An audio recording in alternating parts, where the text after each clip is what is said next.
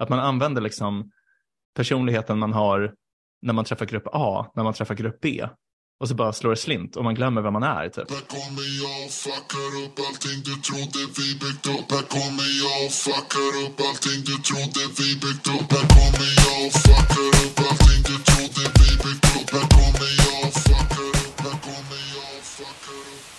Hej och välkomna till podcasten Om och Men där vi reder ut det ni tycker är krångligt och krånglar till det ni trodde redan var utrett med mig, Vincent Flink Gamlenäs.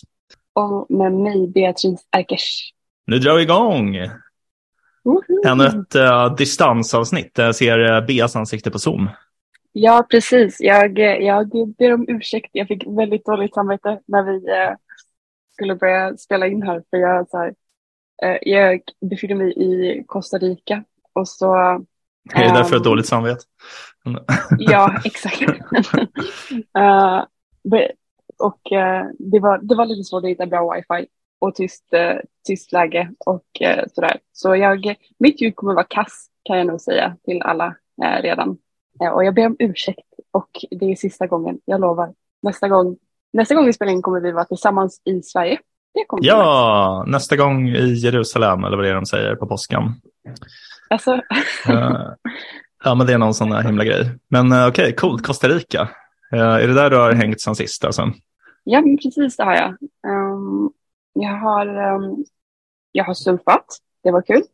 Men nu så har vi, eh, nu har vi åkt till så här eh, djungelområde typ. Eh, och så bor vi i en koja i djungeln. Och igår så såg vi så här en sengångare till exempel. Det tyckte jag var kul. Eh, och, och så här tukanfåglar med så här helt sjuka näbbar. Alltså stora, Ehm. de, de som är på den här glassen. Är det den? Det Ja. finns en glass. Ja. Ja, alltså man har definitivt sett dem när man var så här liten. Eh, Mm. Och typ så här, de odlar bananer och kakao och sånt här. Men, Ja, wow. eh, men dåligt wifi. Ja, ja. det, det, det får man väl ta. Men jag måste dock säga, sinnessjukt dyrt i Costa Rica. Det trodde man inte. Oj, jävligt oväntat. Fast vänta, de har dollar eller?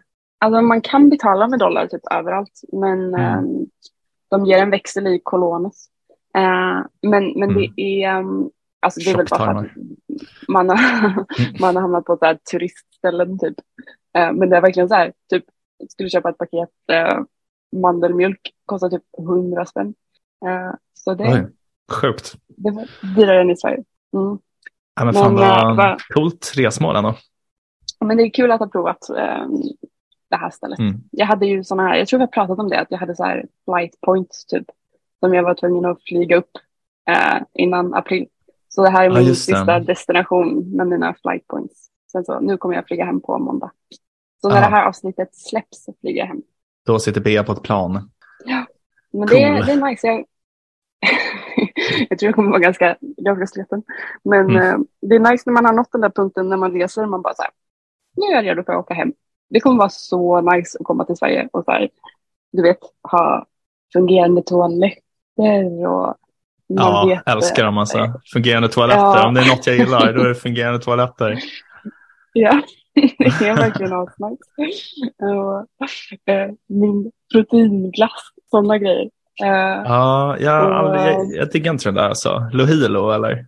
ja, Lona har börjat äta den också. Den förföljer mig den här Lohilon. Alltså den är, eh, hon, har också börjat göra det här att hon äter det till middag. Typ så här, byter ut riktig mat mot den här eh, proteinglassen. Det är inte alls i min melodi alltså. Eh, ja, det jag tycker jag, jag stöttar henne. Det är ju ja, min, min melodi. Eh, ja, men det är bra det. men vad, vad har du gjort sen senast? Um, alltså jag, eh, jag har haft sjukångest sjuk ångest senaste veckorna, eller typ månaderna skulle jag säga. Jag har varit liksom i arbetssökprocess. Så jag liksom, um, när, när man går ut läkarprogrammet så måste man egentligen uh, ta en anställning som heter AT-tjänst. Men av olika anledningar har det blivit liksom en enorm flaskhalseffekt så att um, det är jättesvårt att få AT direkt. Man måste först så här, vikariera som underläkare. Uh, och det är typ det jag har gjort nu.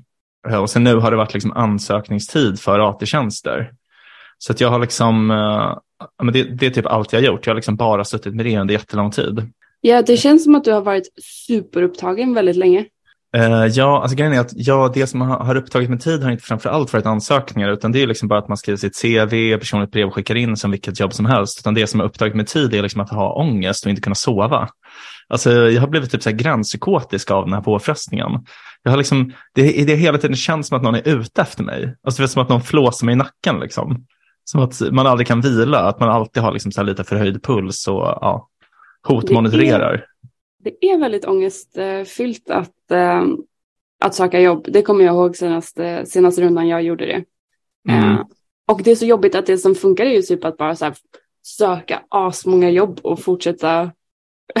fortsätta. Ja, verkligen. Ja, nej, men och alltså, gå på intervjuer också, man känner sig så himla knapp. Alltså jag är så typ, efter att ha gått på alla de här intervjuerna så är jag så himla trött på att le, har jag tänkt på.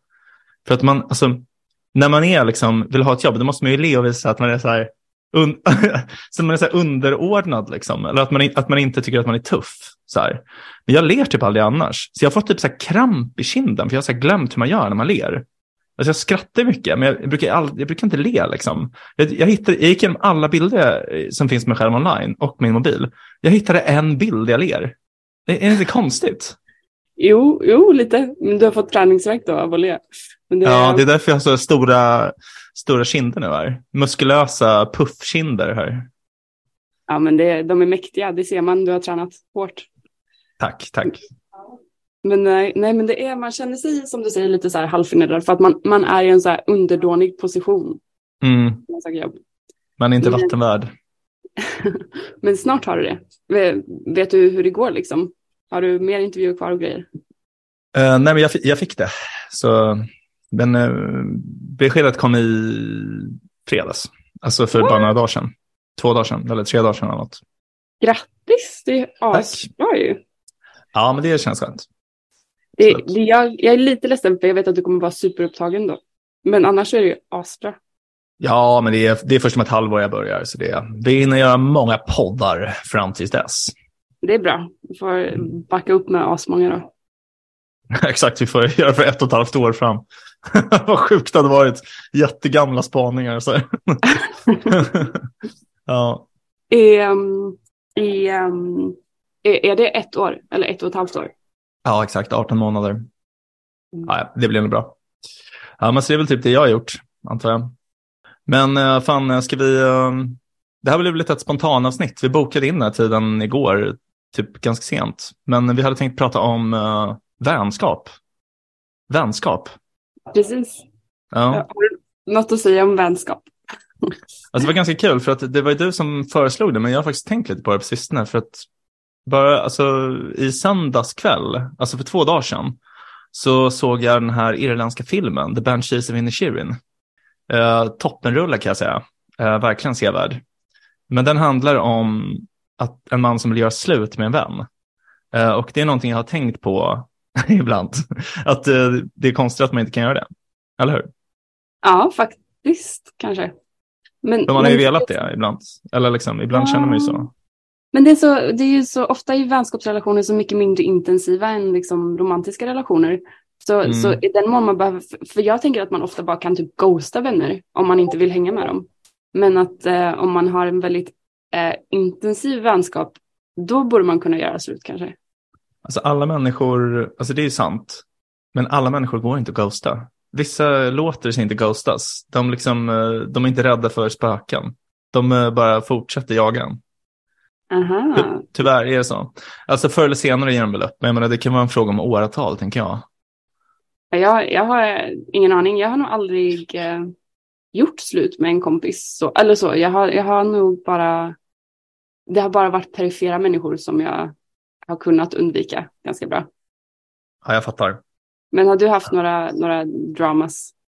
Um, alltså inte på senare tid, men det har absolut hänt. Framförallt typ i så tonåren. Ehm, jag var liksom en liten losermagnet. Uh, var ja, men, uh, tonåring typ. Um, alltså drog till mig så riktigt jävla märkliga människor som hängde efter mig liksom och ja, men verkligen uh, frestade på att uh, umgås med. Men uh, ja, så då försökte jag ofta ghosta dem, men det, det fungerade bara kanske två, tre gånger.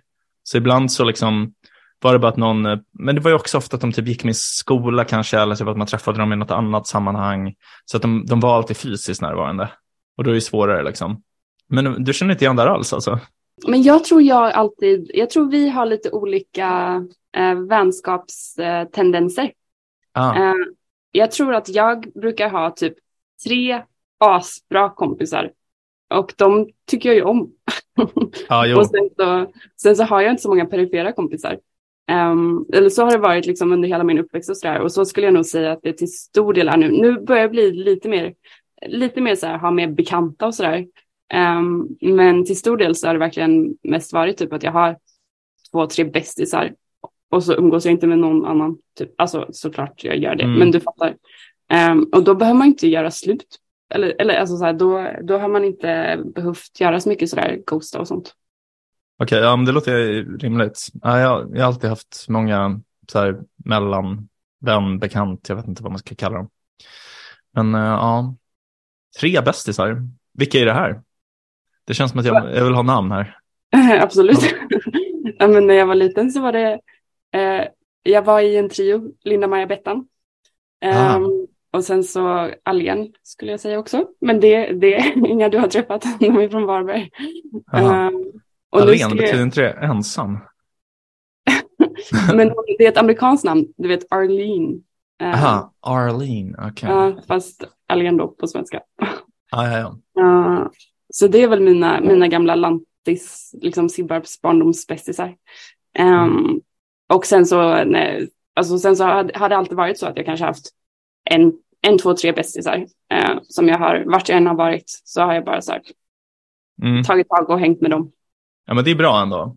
Det är kul att ha väldigt nära vänskaper. Man liksom känner varandra utan och innan. Jag hänger fortfarande mycket med typ min första kompis. Eller liksom ish. Vi blev kompisar i sex års. Eh, Så vi var sex år gamla, hör och häpna. Men vi blev eh, väldigt bra kompisar redan då. Sen hängde vi ihop typ hela eh, grundskolan upp till högstadiet. Så här. Och han bor typ granne med mig nu. Så vi träffas fortfarande ganska ofta. Det har jag ju glömt att säga Vincent. Jag har Ja. ju köpt lägenhet också sen senast och Va? nu ska vi nästan bli grannar. Oj, vad sjukt. Var? Ha eh, här, var? någon 13 minuters promenad tror jag det är. Jag kollade Åh. hur lång tid det tar att gå till din lägenhet. Fan nice. Men var, Ja. var är det? Eller vill du säga? Ja, eller det är på Valhallavägen. Så ah, fan vad flott. Var det den du skickade eller? ja, precis. Ah, Okej, Så gud vad nice. Väldigt nära den här krumelkakaffären. Ja, farligt. Väldigt farligt. Det är jävligt farligt alltså. Där kommer man ju hänga en del känner jag. Ja, Men- men, tänk, Fan nu kommer, vi, nu kommer vi kunna ses. Ja, då kan vi spela in liksom mer uh, regelbundet en gång i veckan. Mm, precis, och in person blir asnice. Ja, verkligen. Alltså det är apropå eh, vänner. Alltså typ jag tycker att det blir lättare att bli kompis med någon om man har någonting man gör tillsammans.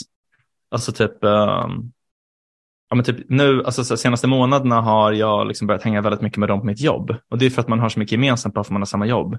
Eller typ via den här podden eller typ man, eller så, ja, jag vet inte. Det, det känns som att det blir mycket mer naturligt liksom. Men det, det är roligt att du säger det, för nu när du säger det så kommer jag ihåg, för det var ju jag som föreslog att vi skulle göra den här podden. Och det var så här Mm. för att jag hade suttit och tänkt typ, oh, men okej, vad behöver jag med i mitt liv? För jag, är ju, jag är ju, var ju ganska nyinflyttad i Stockholm för något, två år sedan eller någonting. Och då var jag så här, okej, jag hade lite svårt att hitta vänner för det var covid. Mm. Ehm, och så tänkte jag, vilka gillar jag i Stockholm som jag känner? Mm. Vincent. Ja, Och jag vill bli mer kompis med Vincent och hänga med med Vincent. och då föreslog jag att vi skulle göra podd. Eh, och det är jag väldigt glad för. Det har ju varit askul och vi har ju blivit mycket bättre vänner av det. verkligen. Vänskapen för oss samman kan man säga. det är väldigt konstigt, kryptiskt uttalande. Men ja, nej men eh, det, det är sant. Alltså jag tror att det, det känns som att det är typ lite ett lifehack. Alltså för folk som har inte så många vänner. Att man ska liksom, gö liksom göra fler saker. Att man ska tänka mer så och träffa människor där. Snarare än typ försöka bli bättre kompisar med dem som man redan är bekant med. Ja men precis, så här, verkligen så här, fundera på vad man tycker om att göra. Typ om man tycker om att klättra och så går man och klättrar och försöker ragga upp kompisar där helt enkelt. Mm. Sant. Jag hatar att klättra, apropå. Det är typ bland det tråkigaste jag vet. Jag är liksom för tung. Alltså jag, mina underarmar blir helt fuckade varje gång jag försöker klättra. Ja, jag kan tänka mig det. Det är ju sjukt jobbigt. Ehm, men jag tycker det är kul.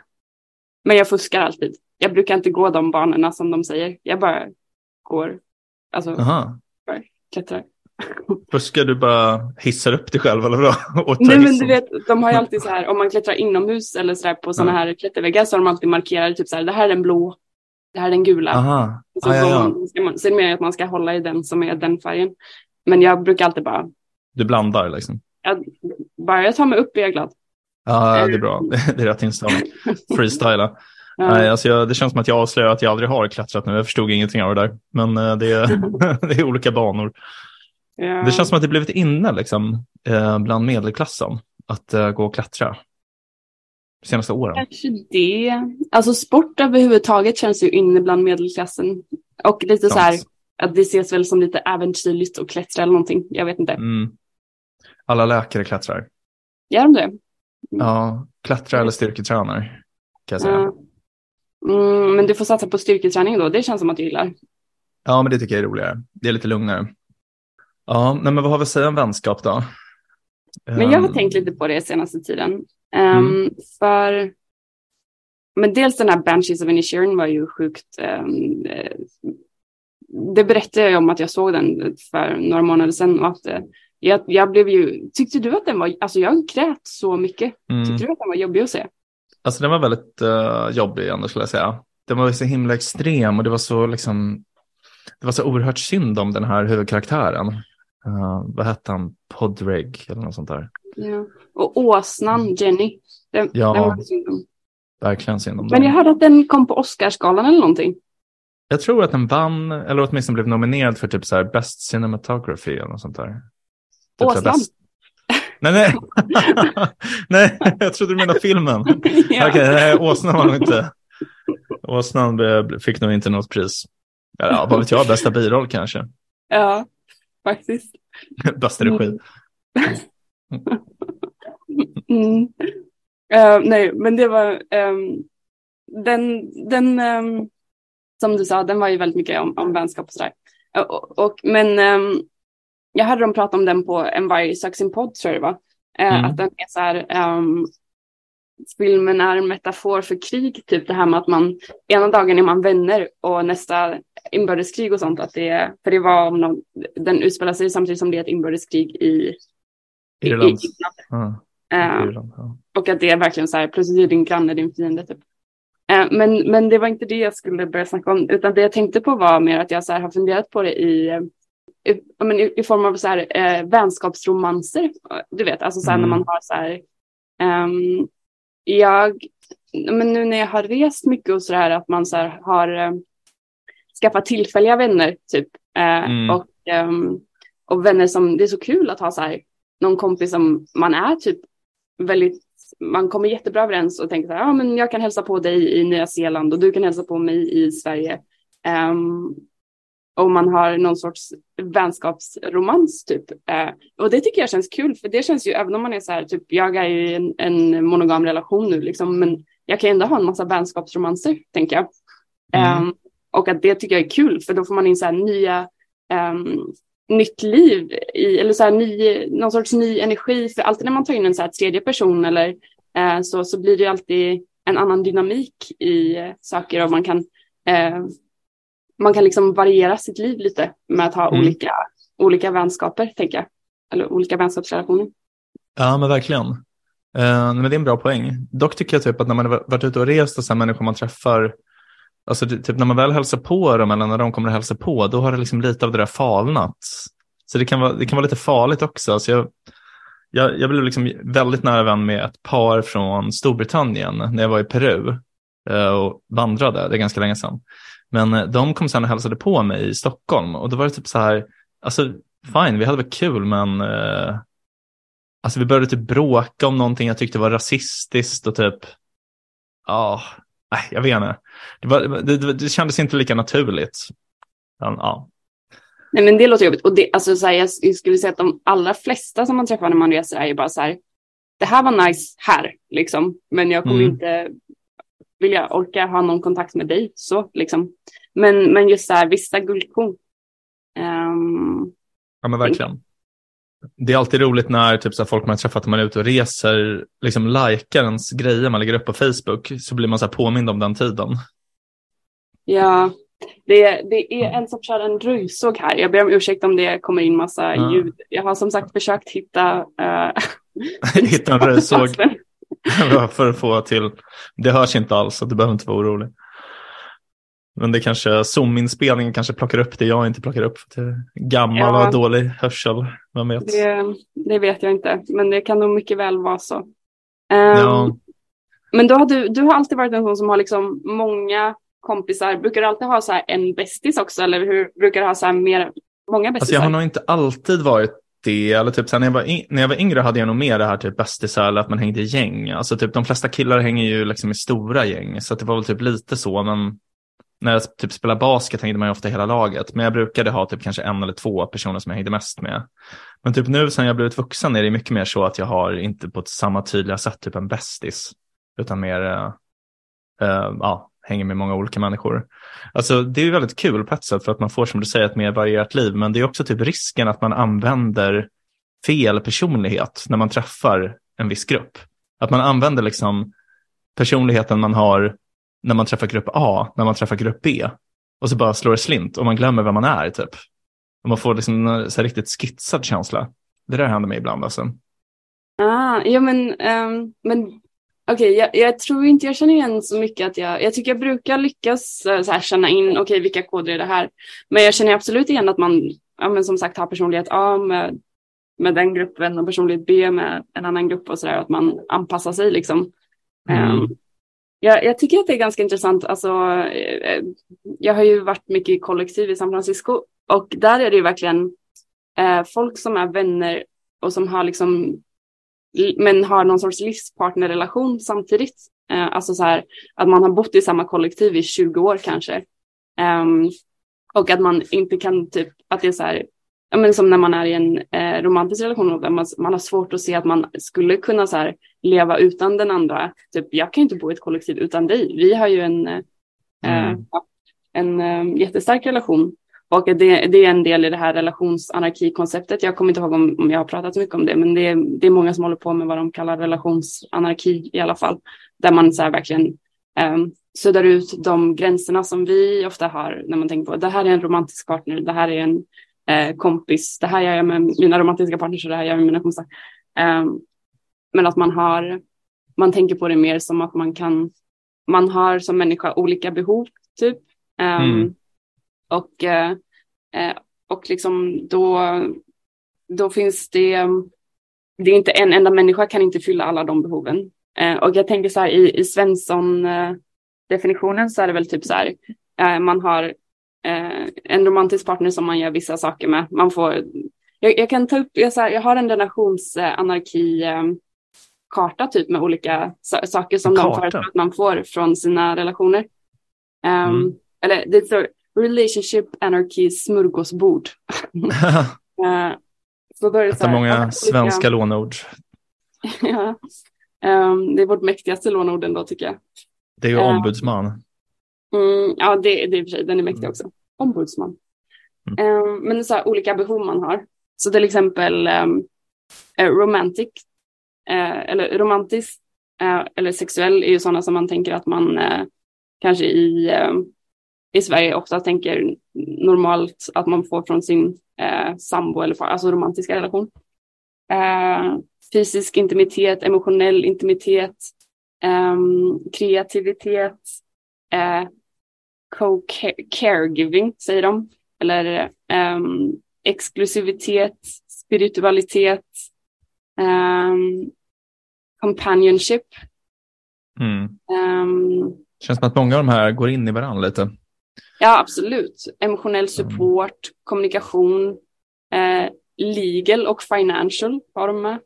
Mm. Ehm, ja, men det är ganska mycket. Men, eh, men då menar de att man kan så här, gå igenom det här smörgåsbordet med eh, sina, sina olika personer man har i sitt liv typ och så här, vad, vad har vi tillsammans? Och så kan man tänka typ så här, eh, det här kanske vi skulle vilja ha tillsammans. Eh, under. Aha, som en förhandlingsgrej typ, eller? Ja, jag, jag, är- min hållning till det är väl så här, jag är inte, jag orkar inte gå all in för relationsanarki, jag, för jag trivs ganska bra med set, liksom, den eh, normie setupen typ. Mm.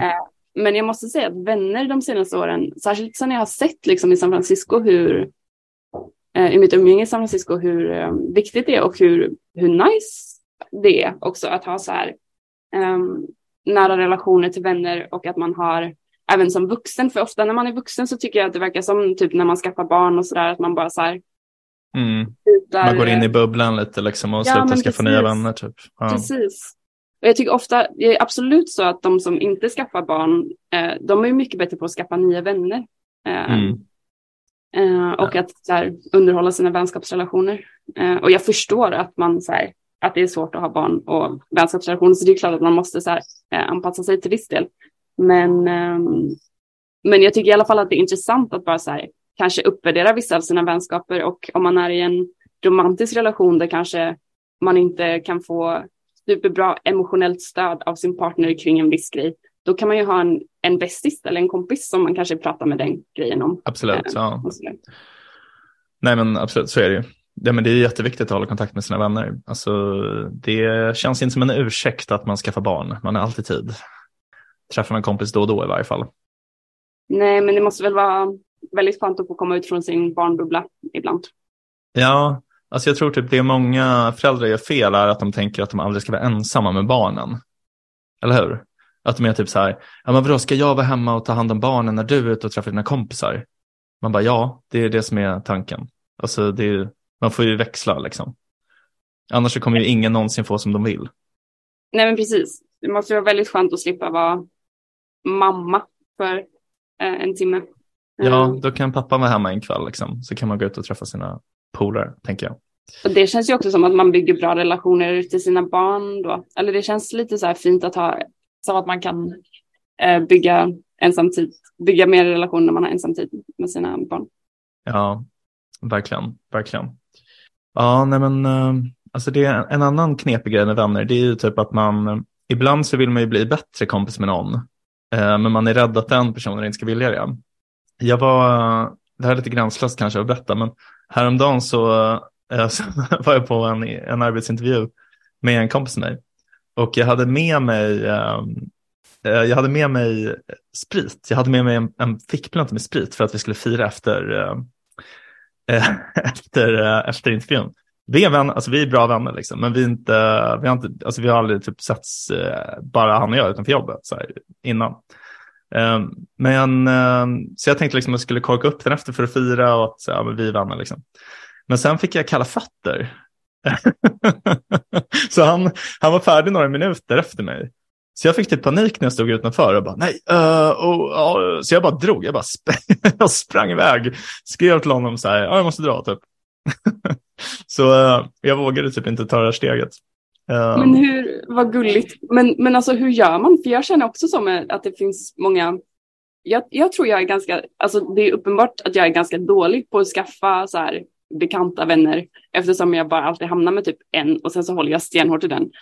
Um, så hur gör man om man vill så här, dels bli bättre kompis med någon och sen bara skaffa fler vänner har vi kanske precis sagt. Man ska bara typ hitta på saker och försöka hänga med folk som gillar att hitta på samma sak eh, som en själv då kanske. Ja, alltså jag vet inte, jag läste en bok för, alltså det är superlänge sedan, jag har glömt vad författaren heter, men den heter How to win friends and influence people. Har du läst den eller? Ja, han heter väl Dale Carnegie eller någonting. Ja, kanske. Alltså det är lite typ en klassiker inom så här self-help-litteratur. Ehm, men där, han är ju den som, eller jag vet inte om han myntade det, men han skriver i varje fall det här typ, eh, people don't, vad fan är det där, typ, care, eh, the, people don't care what you know till they know that you care, eller något sånt där. Tror jag. Eller, blir det rätt eller blir det fel kanske? Ah, jag menar. Ja, men, Det är men sånt han, där. det är väl det här med att Ja. man ska, folk tycker om folk som tycker om dem, typ. Ja, precis. Ja, och han, han är väl den här som, det känns som att så många har tagit upp det här med, du vet sådana creepy människor som säger ens namn hela tiden. Det känns som att de Ja. har tagit det från den boken, typ, för han skriver det typ, kom ihåg folks namn. Och så, Ja. Jag hatar när folk, typ, när, när det känns kalkylerat, när folk bara, "Åh, Beatrice, ska vi göra det här, Beatrice? Mm. Ja, ehm, jo, jag förstår vad du menar. Alltså det är Mm. lite en översittarfason. Jag har märkt typ att jag ofta säger till mina patienter. Ja men Kenneth, ja, men hur, hur är det nu Kenneth? Berätta, hur kommer det sig att du är här idag? Vad, vad kan vi erbjuda dig för hjälp här Kenneth? Alltså om man Ja. gör det på rätt sätt så känner man sig ju sedd. Det är jobbigt när man märker att någon inte kommer ihåg ens namn. Typ. Ja. Men eh, Man så länge man säger ett namn, det behöver inte vara patientens namn. Det kan vara säga något helt annat namn. Ja. Men, Ja. eh, men jag tänker att det är lite som den här, gud vad var det vi pratade om? Det var något poddavsnitt för länge sedan när, när du pratade om att din kompis kände det som att han hade sett inälvorna av, eh, eller Ja, just det. Ja, precis. Det var när eh, han hade läst eh, om det här med typ kroppsspråk, hur kroppsspråk signalerar eh, eh, dominans och underkastelse. Och att han sen inte kunde bete sig normalt eh, under liksom vanliga konversationer. Och då sa han det att han hade sett, eh, ja, vad fan var det, samhällets inälvor eller sånt där. Ja, Nej, det var något med inälvor i varje fall. Jag har glömt. Men Ja, men precis. Men jag tänker att det är lite den känslan när, när någon har läst så här, How to win friends and influence people och bara så här, drar tekniker från den hela tiden.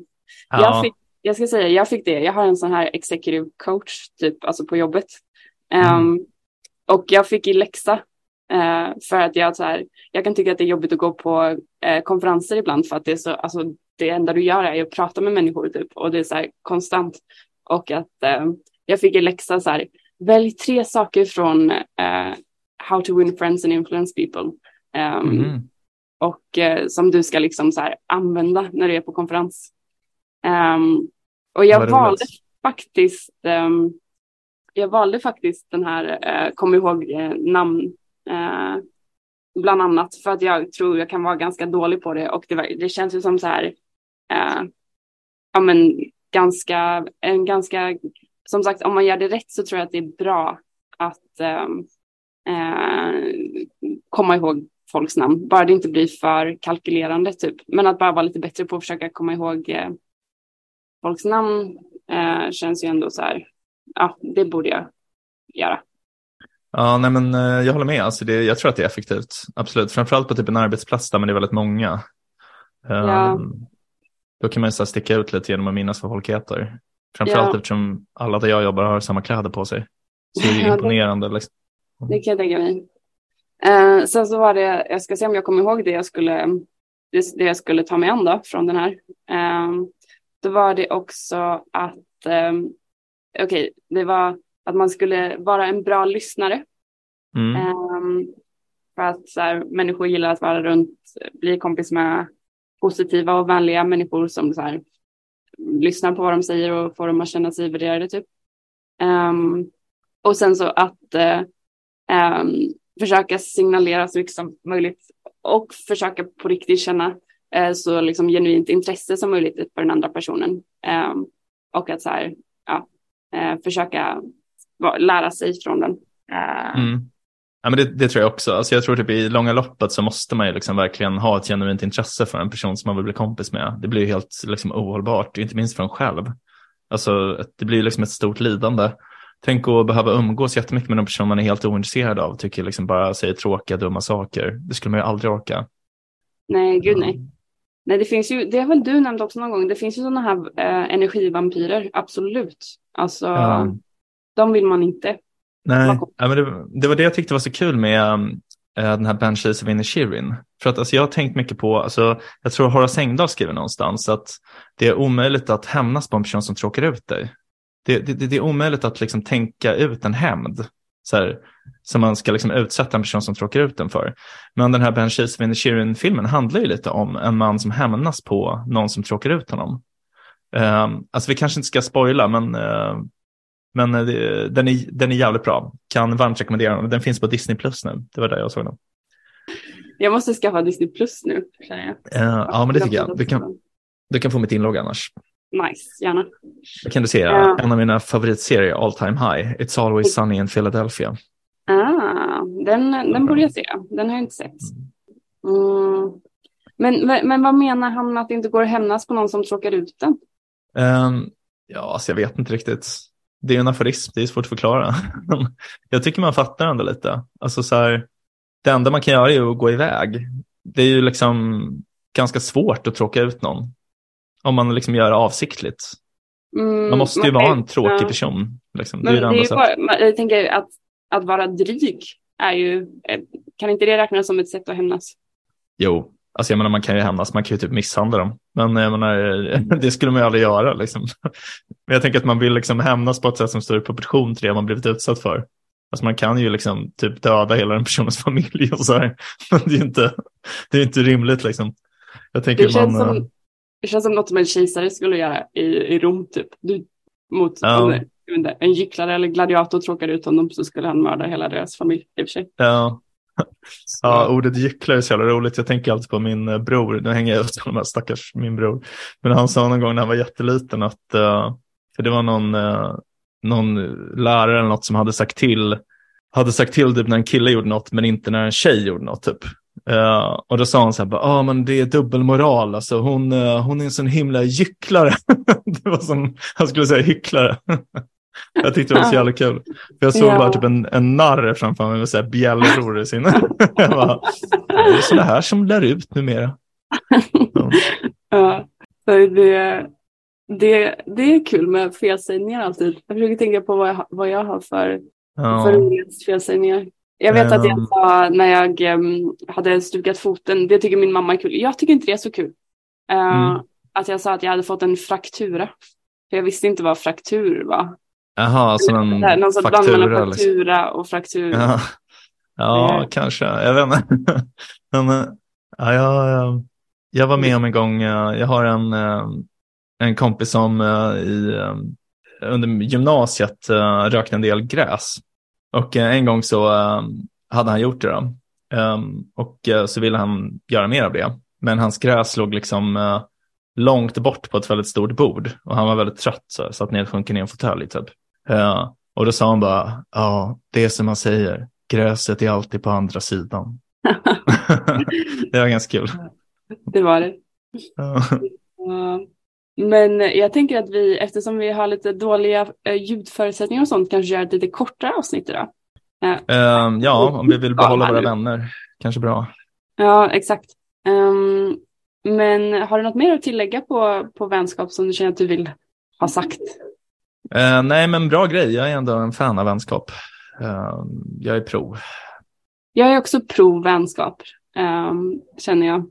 Ehm, Men att det är som sagt, det jag tycker är kul med vänskap är att jag typ är ännu mer pro vänskap än när jag var yngre. Alltså så här, det är klart att jag alltid har, eh, jag har alltid haft väldigt bra vänner. Jag tycker jag har haft tur med vänner. Jag tycker om mina vänner. Eh, Men, eh, men jag tror som sagt att det, det känns typ ännu roligare och viktigare med vänner för mig nu än vad det gjorde förut. Ja, alltså jag tycker också om mina vänner, men jag har också ett tillstånd som jag själv har hittat på, som är filofobi, rädsla för mina vänner. Oj, okej. De Berätta kommer mer. en för nära. Alltså, så här, alltså, ens nära vänner vet ju mycket mer om en själv än vad man själv vet. Det är ganska obehagligt att tänka på tycker jag. För de uppfattar en ju på ett mycket mer objektivt sätt än vad man själv gör. Ja, Det är lite det- läskigt. sant. Det är sant kanske. Men, ehm, men också det, det är ju, om de är snälla så är det ju bra. Det är, det är jobbigt om de är elaka och, och vänder emot en, typ, tänker jag. Men om de är snälla så är det, kan de ju snarare vara så här, nu gör du den här grejen som du eh, alltid brukar göra som känns som lite självskadebeteende eller eh, dumt. Eh, Ja, jo, man får väl hoppas på, på att de är snälla då. ja. tror, tror du dina kompisar är snälla då? Ehm, ja, jo, men det tror jag. Men det är ju ändå lite obehagligt att, för att jag menar, vissa, vet, alltså så här, vissa av ens kompisar vet man ju gör någonting som de inte är medvetna om. Det är obehagligt att tänka sig att man själv har någon sån grej bara. Mm. Men eh, jo, men det är klart, de är snälla. Mm. Ja, nej men eh, jag, jag eh, sänder ut en meddelande till alla mina kompisar. Jag tycker ni är snälla. det, eh, Ja. ja. Jag sänder också ut ett meddelande till alla Beas kompisar säger att ni är snälla. Ja, tack. Men inte- egna, ni får, ni får vänta. Får vänta på bekräftelse. Ja. Men, eh, men eh, ska vi säga så för denna gången då? Ja, men det tycker jag. Eh, med de orden då så får vi tacka så mycket för att ni har lyssnat på ännu ett härligt avsnitt av podcasten Om och Men, där vi reder ut det ni tycker är krångligt och kanske även passar på att krångla till det ni trodde redan var utrett. Nästa vecka kommer vi prata om någonting. Helt sjukt. Yeah. Impulsen. Woo! Exakt, första gången på länge kom det toppen. Mm. Tune in. Tune in.